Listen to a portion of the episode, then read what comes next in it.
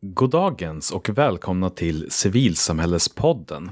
Detta avsnitt markerar något av en ny era i poddens historia för att det här är nämligen första avsnittet av en helt ny typ av innehåll.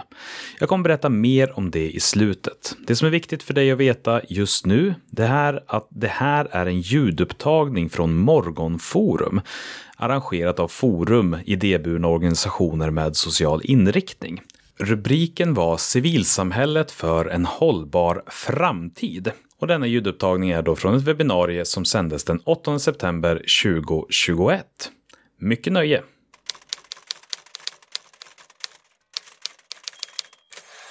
Varmt, varmt välkomna till detta morgonforum som idag ska handla om Agenda 2030 och civilsamhällets roll och bidrag i relation till de globala målen.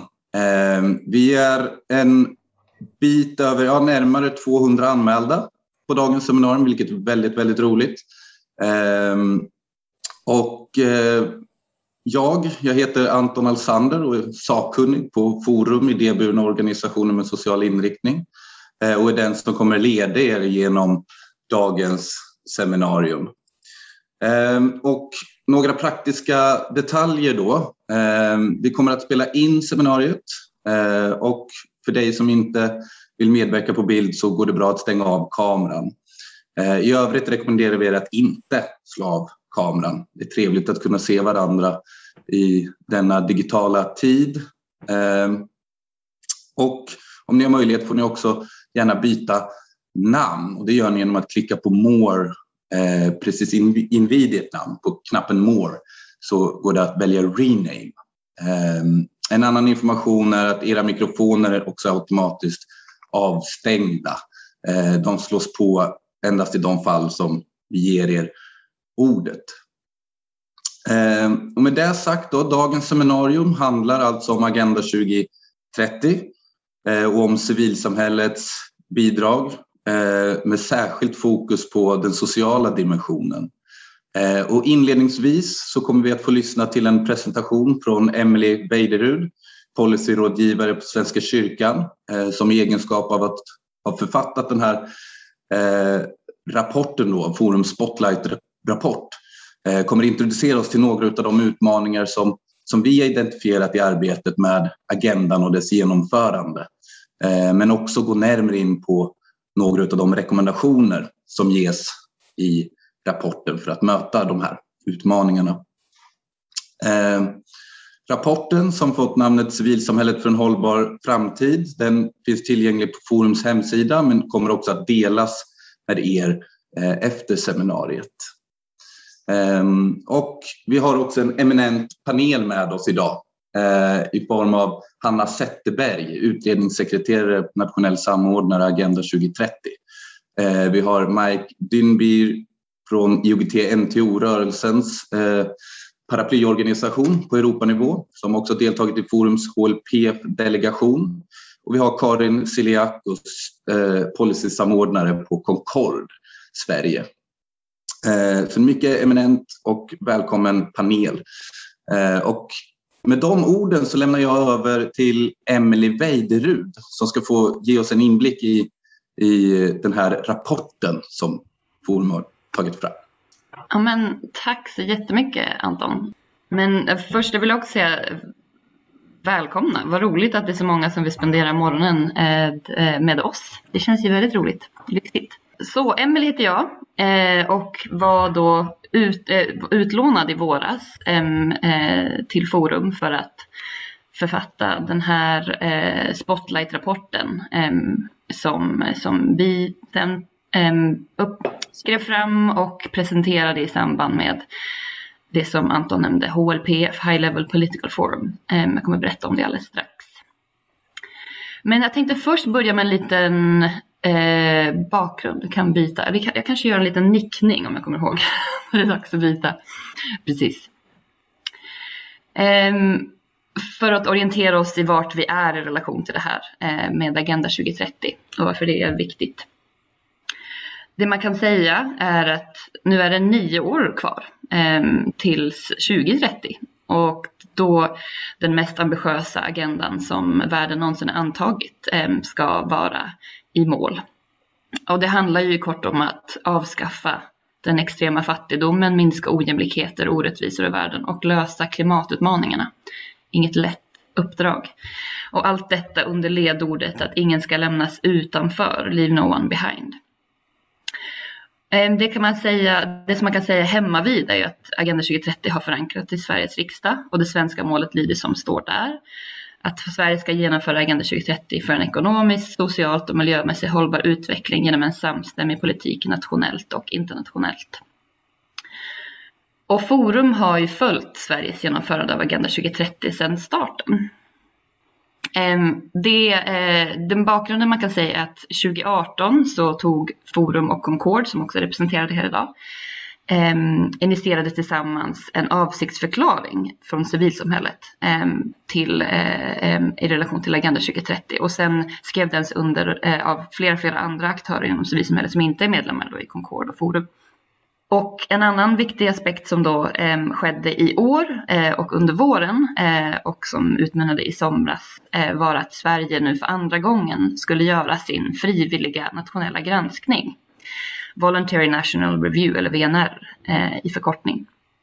Som eh, handlar om att hur går det med Sveriges uppföljning i relation till Agenda 2030 och där var Forum, eh, liksom Concord, med i, eh, och gav input till processen och innehållet till den rapport som sen blev. Som sen presenterades eh, den eh, 6-15 juli där ehm, Sverige presenterade tillsammans med många andra länder sin rapport eh, och där många andra aktörer eh, eh från privat sektor till civilsamhället eh, och andra presenterade sina rapporter och sina reflektioner i relation till hur det går. Och därför tog eh, Forum då initiativ till att göra sin första Spotlight-rapport. Eh, vi kommer höra lite mer om HLPF alldeles strax sen från, i panelen. Ehm, så får ni höra lite mer så ni får suga på den karamellen till dess. Och varför då skriva en rapport? Varför som Forum göra det? Dels så är det faktiskt en del av eh, de åtagande som Forum tog sig an i den här avsiktsförklaringen från 2018 att granska, att informera, i relation till agendan. Och sen också att det är nio år kvar eh, till den här agendan så är det bråttom. Och då vill vi bidra med de perspektiv och kunskap som civilsamhället har eh, kring de åtgärder som krävs. En annan sak, som det heter också Spotlight, eh, att belysa eh, den, det arbete och den kraft och de lösningar som civilsamhället har och alla medlemmarna inom Forum har i relation till att nå målen inom den sociala dimensionen. Och framförallt också i relation till att det var en väldigt intensiv tid såklart eh, för, för många av eh, eh, Forums medlemmar och de som vi möter. Och att det behövde synliggöras extra och försöka fånga hur, hur, hur ser det ut nu i relation till återhämtning och hållbar utveckling när vi haft och har varit mitt i en pandemi. En annan anledning var att komplettera Sveriges frivilliga rapportering med civilsamhällets just perspektiv kring hur det går med måluppfyllelse och förutsättningar för att ingen ska lämnas utanför. Ökad ägandeskap för att det här är vår gemensamma agenda och koppla det som redan görs i relation till Forums medlemmar eh, till den här större globala uppföljningar. Och det är extra viktigt i tider av eh, när det globala och det som är det multilaterala eh, också är under hot. Och det behöver vi också ta närmare oss i vårt arbete. Och vad skrev vi om då? Man, det är ju 17 mål, många delmål. Man skulle kunna skriva hur mycket som helst såklart. Eh, men vi behövde avgränsa oss. Eh, och där valde man då att granska, eh, skriva och sen också i den mån det gick. Vi gjorde inte en skuggrapport utan en spotlight på regeringens officiella rapport. Men vi, vi hann läsa den precis innan vi blev klara och hann göra några reflektioner. Men vi gjorde det utifrån mål 1, ingen fattigdom, mål 10, minskad ojämlikhet och mål 17, genomförande av globalt partnerskap som är det målet som Forum har fokuserat väldigt mycket på. Hur, vad är förutsättningarna för att vi ska kunna vara partner i relation till den här agendan? Som Anton sa så är det ju eh, den sociala dimensionen som fokuserades på. Det är, Forum samlar sociala organisationer så det är det blev en naturlig avgränsning. det är inte ovanligt att man avgränsar. Eh, det finns eh, spotlight-rapporter från andra delar av världen som också har gjort eh, en avgränsning lik våran. Men att det är såklart viktigt att påminna oss själva om att det hänger ihop, eh, alla de här tre dimensionerna. Vi valde ändå att fokusera på den sociala utifrån att det är vår roll, där vi kan väldigt mycket och också ibland att det känns som en avsaknad av den sociala dimensionen i relation till Agenda 2030. Den behövde synas lite mer och det fanns ju hur mycket som helst man skulle kunna lyftas ut. Och granskar man Forums eh, eh, verksamheter väldigt närmare så, så bidrar man ju till hela agendan i princip. Men vi valde de som vi kunde enas kring. Här är en, en kort version av, av eh, en one-pager eh, om, om rapporten. Den kommer ni också få utskickade. Och vad är det då som vi, som vi såg? Ehm, I kort eh, så såg vi att i många av Forums medlemmar kom igång med verksamhet för att stötta de som lever i utsatthet i pandemins spår. Och det här är behov som eh, i mångt och mycket också bedöms kvarstå. Och medlemmarna skrev fram om att ja, det finns ett socialt skyddsnät i Sverige som fungerar, likt det också Sveriges rapport säger, men att det finns en utsatthet eh, som eh, riskerar att förvärras det som också var väldigt tydligt i relation till eh, det som Forums medlemmar uttryckte var att det finns det, det här stora ansvaret, ansvaret som man tar för samhället, för de som lever i störst utsatthet i samhället.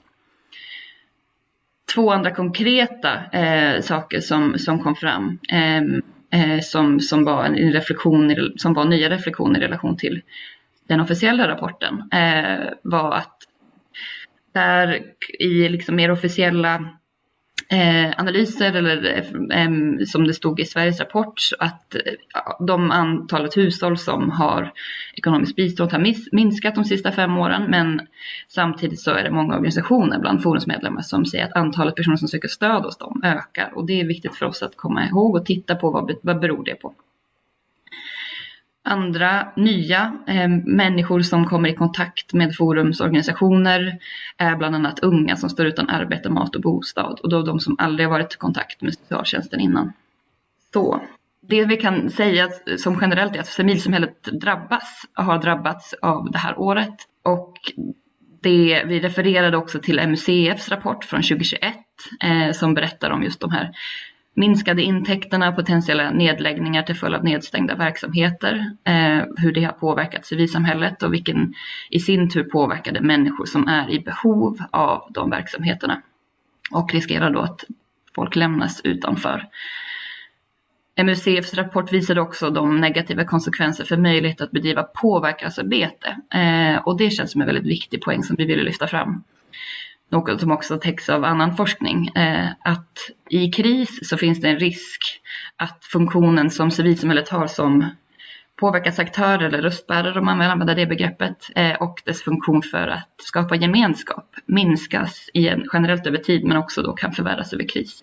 Och i Sveriges officiella rapport så lyfts ju civilsamhället fram som en väldigt viktig part. Det, det står absolut. Eh, men det som saknades var Eh, en beskrivning också av förutsättningarna som krävs för att vi ska kunna samverka, bidra och verka utifrån eh, den roll vi har. Så. Så vad behöver göras? De rekommendationerna som skrevs fram eh, riktar sig då till beslutsfattare på, på, från lokal till nationell nivå. Och de rekommendationer som, som skrevs fram eh, är eh, i mångt och mycket inte nya.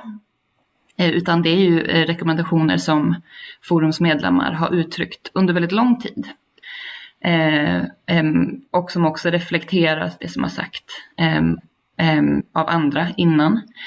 Vi reflekterar det som står i jämlikhetskommissionen, det som också återkommer till det som Agenda 2030-delegationen har uttryckt, också reflekterar det som Concord uttrycker. Vi, vi, vi säger väldigt mycket, ofta samma saker något konkret i relation till fattigdom, eller eh, mål 1, eh, är att Forum uttrycker utifrån att medlemmarna eh, ser det, eh, avsaknaden av en hemlöshetsstrategi och en fattigdomsstrategi i Sverige.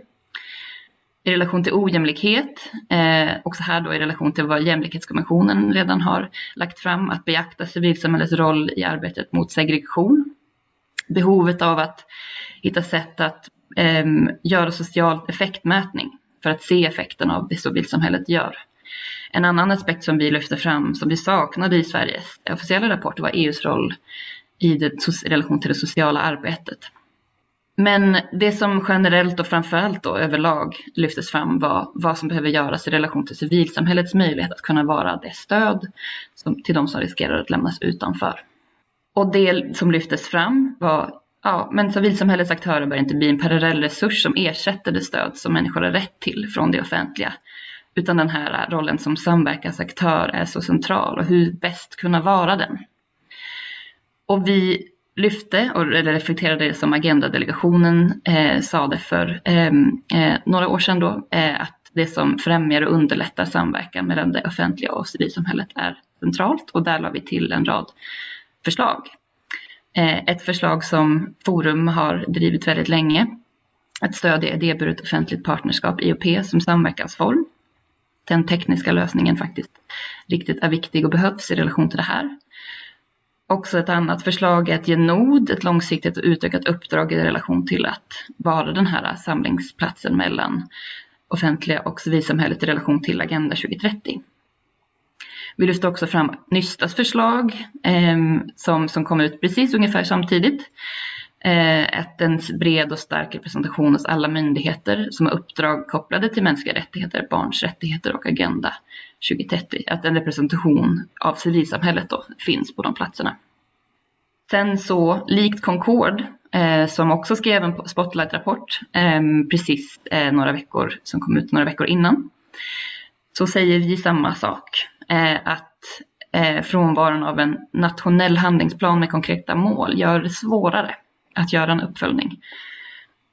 Och därför en ny eh, bör eh, tas fram med samstämmig politik i, i, i centrum.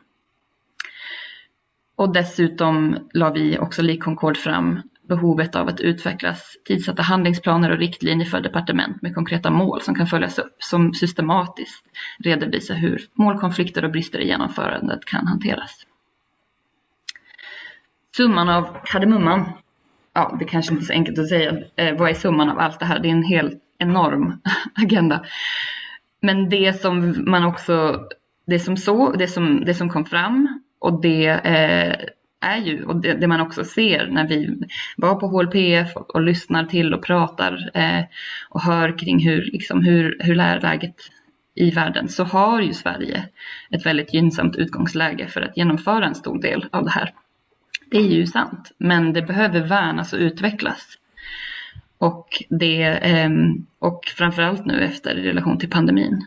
Och det är ett utgångsläge som också väldigt mycket vilar på de partnerskap och den samverkan som, som behövs mellan sektorer. Där civilsamhället verkligen är en hörnsten som bidrar till ett starkt samhällskontrakt, demokratisk utveckling och att ingen ska lämnas utanför. Så därför behöver vi förutsättningarna för att ett brett, mångfaldigt civilsamhälle ska kunna bidra i samverkan och partnerskap i både kris och på lång sikt belysas och säkerställas. Det sista som vi kan säga eh, är om den här rapporten då. Den skrevs fram, kom fram mitt under sommaren när alla var på semester. Så att om ni inte hunnit läsa den så är det nu en fantastisk tid att läsa den här.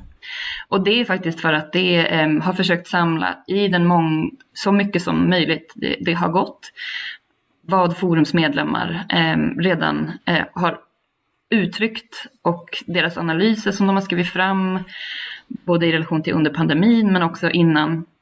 Och det är ehm, eh, fantastiskt rikedom i relation till vad, eh, vad, de, vad de ser och vad de tycker är lösningar. Och, det vill vi verkligen uppmuntra att eh, medlemmar använder den här. Eh, inte bara i relation till att den, den, den fanns ju i en väldigt, en väldigt specifik process den här eh, officiella rapporteringen och det här eh, då högnivåmötet. Men det, agendan är ju fortgående. Det, ska inte, ehm, det stannar ju inte där utan den är ju kontinuerlig och behöver fortsätta eh, ehm, belysas och arbetas med och använda den här ehm, rapporten.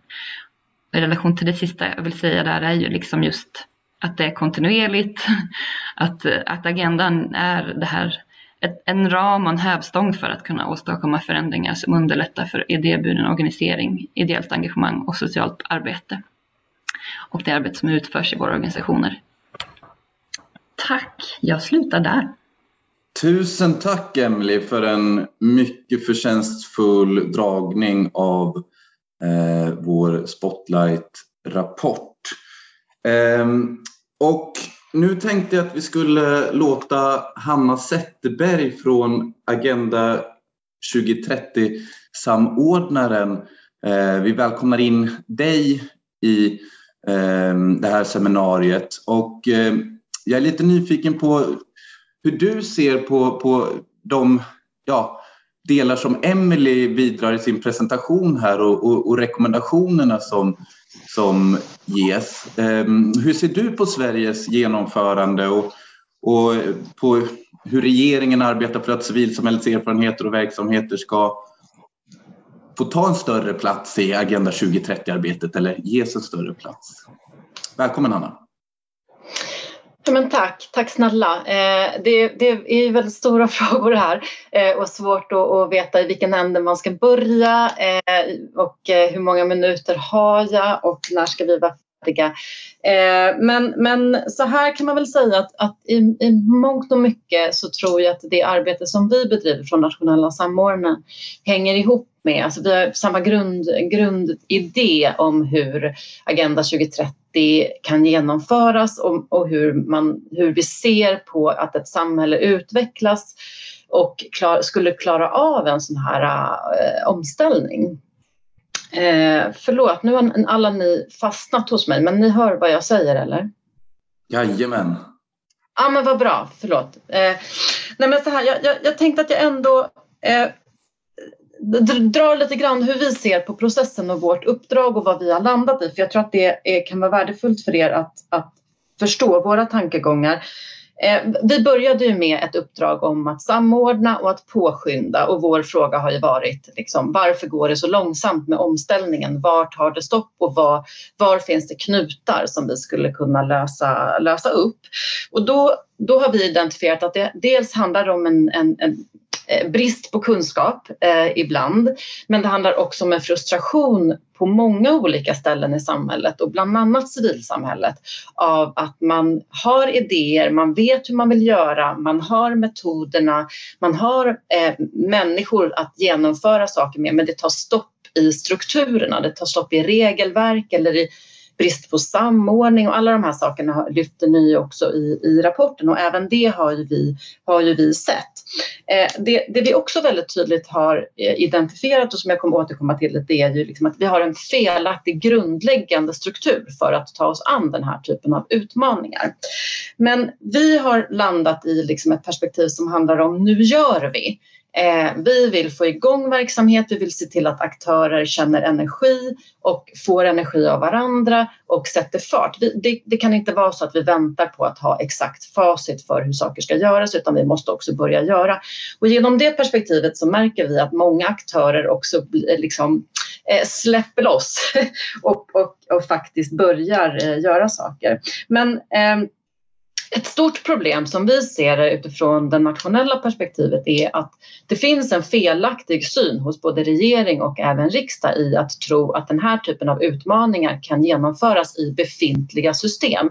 Det finns någon sån formulering i både, eh, eh både Agenda 2030-delegationens underlag och sen i propositionen eh, och sen eh, eh vidare i liksom Eh, det nationella politiska formella Sverige, den håller vi inte med om. Vi tror att vi behöver hitta nya sätt att arbeta på och jag tycker att några av de här exemplen som som Emelie lyfter eh, visar på att vi, vi behöver tänka annorlunda. Vi kan inte titta på befintlig statistik till exempel och se och vara bestämda kring vad som händer ute i Sverige just nu, utan vi måste titta på verkligheten. Eh, exemplet med hur många antal hushåll som, som behöver ekonomiskt stöd och hur många, som de facto, hur många personer som de facto söker sig till verksamhet eh, och befinner sig i en utsatt position, att det inte stämmer överens. Det är precis det där som vi måste liksom identifiera och titta, ny, eh, titta på med nya ögon faktiskt också, kanske nya, nya metoder. Eh, när vi tänker på genomförandet av Agenda 2030 så är vi också ganska övertygade om att regelverken kanske kommer uppifrån men aktiviteter, verksamhet, själva genomförandet av agendan kommer nerifrån. Den kommer från människor, organisationer, föreningar, kommuner, regioner eh, och även privatpersoner och, för att, och inte glömma då det, eh, näringslivet som ju också befinner sig nära ofta. Ehm, och det, eh, och det gör ju också att den, den position som ni befinner er många, den är otroligt viktig att fånga upp människor och människors, kanalisera människors engagemang men också eh, stötta dem i deras att, utsatthet. Eh, en annan sak som vi, vi har pratat om och där jag tror att civilsamhället kan spela en väldigt stor roll och som inte nämns i er rapport eller eh, Emelies presentation, det är ju ledarskapet jätteviktig del av att, att våga eh, veta vart man ska, att vi har modiga, eh, mogna, tydliga ledare som, som vågar förändring. Det, det skulle jag gärna ha vilja ha era reflektioner på hur ni ser på det. Eh, när vi tittar på förändringsprocesser från andra delar av samhället så ser vi att det, det har varit kantat av eldsjälar, eh, modiga GDR på olika myndigheter eller vad, vad, det nu kan vara. Och det är också en, en process som parallellt med den här eh, tra, mer traditionella kanske civilsamhällesprocessen är, är jätteviktig att titta på, har, har vi i alla fall eh, diskuterat. Eh, men för att nämna eh, en sak till bara. Vi saknar också den nationella handlingsplanen. Eh, jättebra att ni lyfter det. Den har fallit bort helt enkelt. Den har funnits, men i processen har den fallit bort och vi tror att den skulle vara viktig eh, även på Agenda 2030 eh, området och som är väl det jag kan uttala mig om. Men jag skulle vilja nämna ett annat arbete som vi håller på med som jag tror också kan vara relevant för er och det är att vi tittar på den ekonomiska dimensionen utifrån perspektivet att det är lätt att säga att saker ska vara ekonomiskt hållbara, men vad är det vi egentligen menar med ekonomisk hållbarhet utifrån ett Agenda 2030-perspektiv? Vad betyder det på riktigt? Och i det här arbetet har vi förutsättningslöst stoppat en massa aktörer i eh, samma rum för att workshoppa och diskutera på längden och tvären och bredden och djupet och höjden eh, kring vad är förutsättningarna för eh, olika aktörer i Sverige att, att, skapa en ekonomisk hållbarhet. Och vi hoppas kunna presentera det här senare under, under hösten faktiskt, i alla fall delar av det. Men det är en process och den är, den är liksom central. Men, men vi lyfter den processen just för, också för att peka på att förutsättningarna, grunderna för när vi ska jobba med den här typen av stora samhällsomvandlingar Eh, de är inte klara, de är inte på plats och vi behöver göra nya sådana för att, att liksom eh, komma vidare. Och det är också ett praktiskt sätt för oss att visa på vikten av att samverka olika sektorer med, mellan. Ehm, I, I det här rummet så sitter bland annat liksom, det är Finansinspektionen, det är Naturskyddsföreningen, det är Spotify, det är Volvo Cars, det är Eh, Concords tror jag sitter där och så här. Det, det, det är på riktigt aktörer som inte skulle satt sig i samma rum annars eh, och pratat om de här frågorna och det tror vi är, är vår roll, är vårt bidrag till den här processen. Men eh, men för att ändå avsluta och inte göra det här eh, eh långrandigt så, så Eh, men ändå upprepa, vi ser civilsamhället som ofantligt viktiga i den här omställningen. Både för enskilda människor eh, där ute som behöver ert stöd men också för att vara den här kanaliserande rösten av vad som verkligen händer i vårt land just nu. Eh, och och också vikten av att det ni gör på många ställen i landet med samarbete eh, eh, visar vägen för andra om hur man inte bara kan utan också ska arbeta med de här frågorna. Jag stannar där så länge för att kunna släppa in fler. Tack! Tack Hanna! Ehm, jag tänker att vi släpper in Karin Siliakus från Concord. Ehm, du har ju, eller Concord har lång erfarenhet av Agenda 2030 och jag blir nyfiken på hur du ser på, på processer som har varit och framåt, vad du ser just vad gäller samverkan och utbytet med civilsamhället och det offentliga. Och, och du får jättegärna respondera på, på, på det Hanna säger här. Jag tänker till exempel på Eh, hon är inne på att eh, befintliga system, huruvida de eh, är tillräckliga eller inte för genomförandet. Och, och, så Karin? Tack Anton, hör ni mig bra? Alltså, jättefint. Uh, men vad roligt, Hanna, jag ska återkomma till, till det du också pratade om nu. Um, jag tänkte bara kort, jag vet inte hur bekanta alla är med Concord, så bara kort eh, berätta att vi alltså är en plattform eh, som består av civilsamhällesorganisationer som jobbar med internationella utvecklingsfrågor. Och som Emilie du också nämnde tidigare så har vi också publicerat en spotlight-rapport inför HLPF och precis som, eh, som forum så har vi väl också haft två liksom parallella spår egentligen i rapporten. En som eh, har gått mer in på målkonflikter vilket liksom är vårt sätt att, att granska samstämmigheten och arbetet med Agenda 2030 i Sverige. Och sen en, ett stort spår, um, vilket liksom är tråkigt att det ska behöva vara ett stort spår, men det är det, och det är ju liksom bristen på processer och konstitutioner, dialog överlag med civilsamhället. Och um, där ser, har vi ju sett uh, tillsammans med, med Emelie som representerar Forum att um, ja, men det, det, vi har mycket gemensamma funderingar och uh, åsikter kring hur det arbetet har sett ut och, och de utmaningar som funnits och också um, lika, ja, väldigt lika tankar om, om bästa vägar framåt också, vilket är ju tacksamt att vi har hittat gemensamma uh, synpunkter där.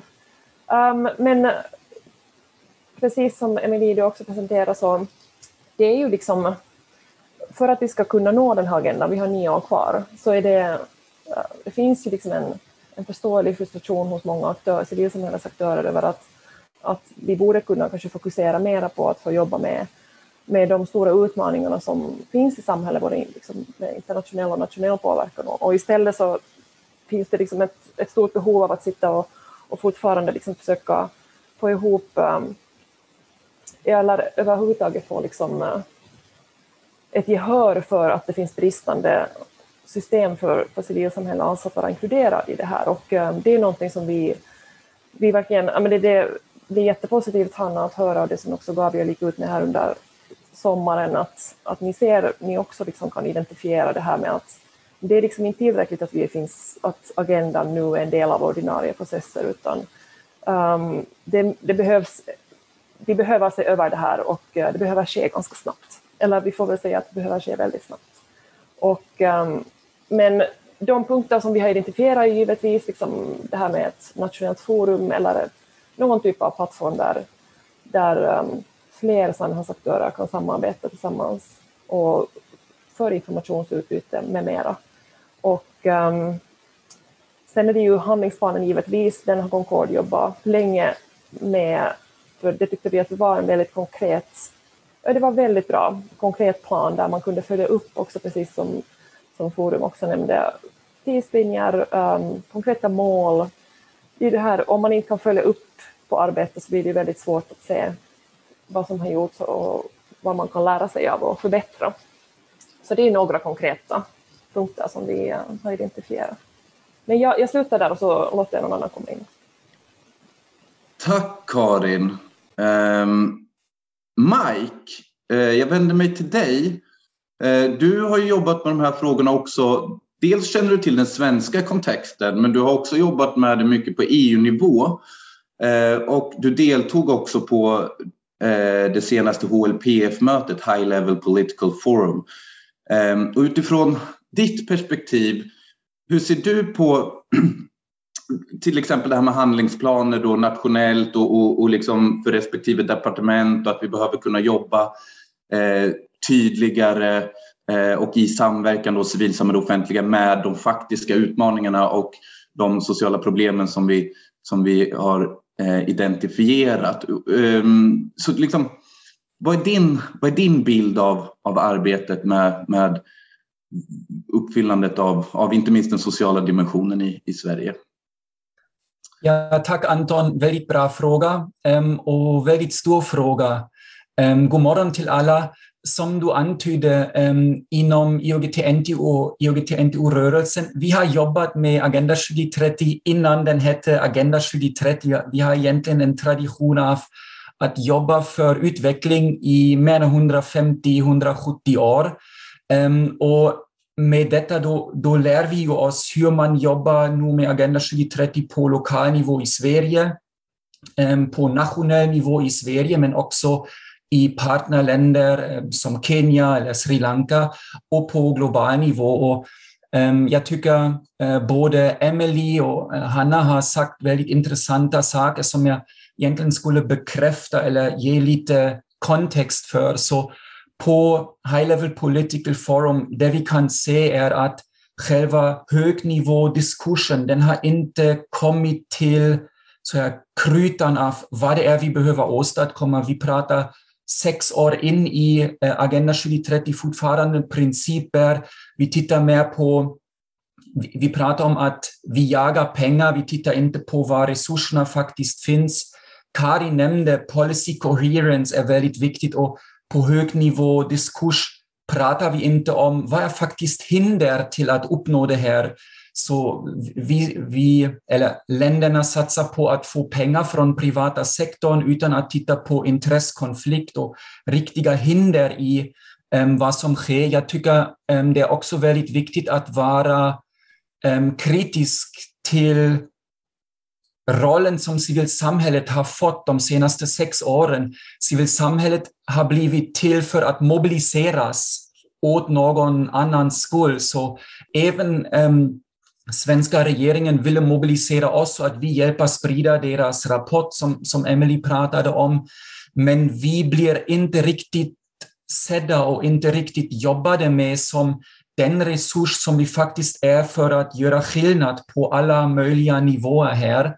Ehm, så jag tycker det är väldigt viktigt att här behöver vi ändra och jag, jag tycker Hanna har sagt några bra saker. Ehm, och sen skulle jag säga att hela ehm, förståelsen för vad Agenda 2030 faktiskt innebär eh, kan vi alla Äh, förbättra. Min egen organisation, civila samhället, men också regeringen. Alltså, vi alla behöver en beteendeförändring. Eh, äh, Emily i våra möten under HLPF, hon har sagt någonting väldigt klokt. Alltså egentligen för civila samhället är ju Agenda 2030, 17 SDGs, de är ju egentligen en ram för att prata om vad vi redan gör. Så där behöver vi bli bättre i kommunikation. Men sen där vi alla behöver bli bättre, det är tvärsektoriell arbete. Så som jag sa, vi jobbar med i IOGT-NTO-rörelsen med alkohol som utvecklingshinder och vi har gjort analys att det faktiskt är ett hinder för att uppnå 14 av 17 mål. Det är inte bara SDG 3 som handlar om hälsa och välmående. Men när vi vill prata med regeringen och även med delegationen om den analys som vi kan göra, då får vi inte komma till möten.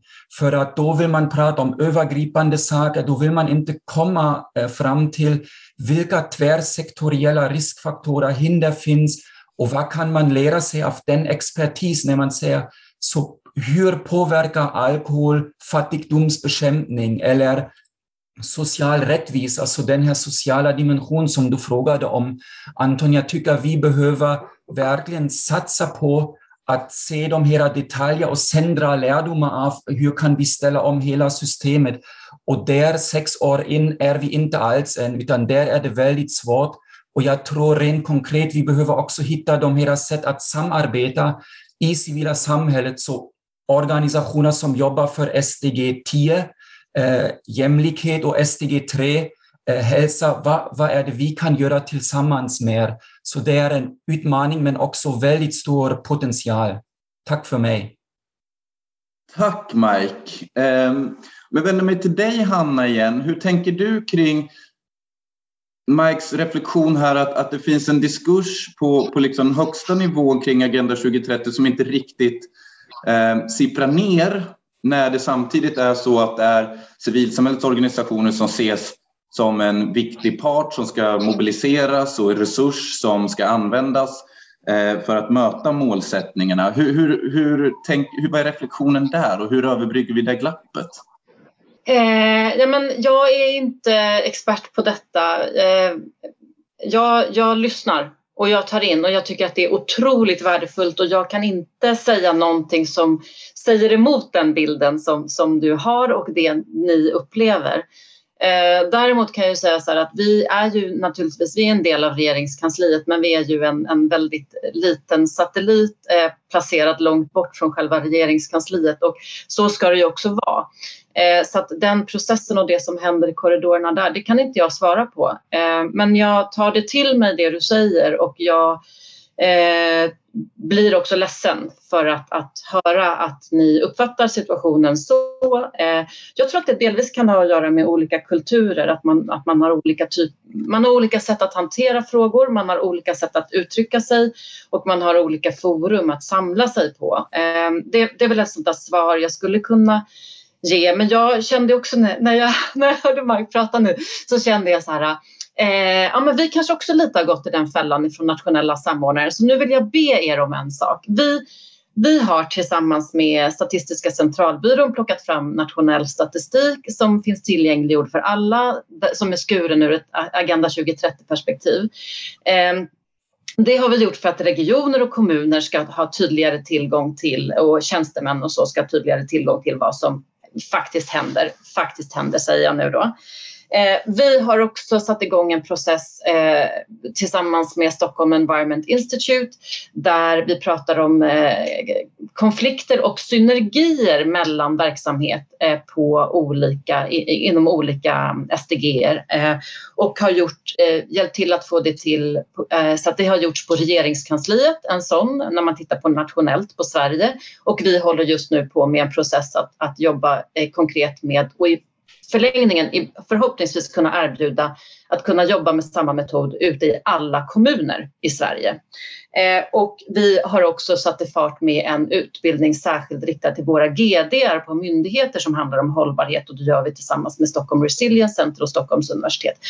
Och det här säger inte jag för att bara liksom så här, åh vad bra, vi gör saker. Men här finns ju ett glapp, för vi gör ingenting för er. Vi gör ingenting tillsammans med er på det sättet.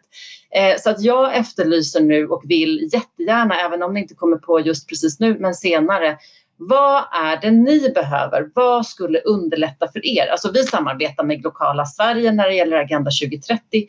Vi har många olika typer av samarbete, men alltså, finns det någon strukturell eh, något strukturellt stöd som vi skulle kunna hjälpa er med eh, så är jag jättetacksam för om vi kan påbörja en sån dialog. För att Mike, du påminner mig om att vi inte heller är perfekta.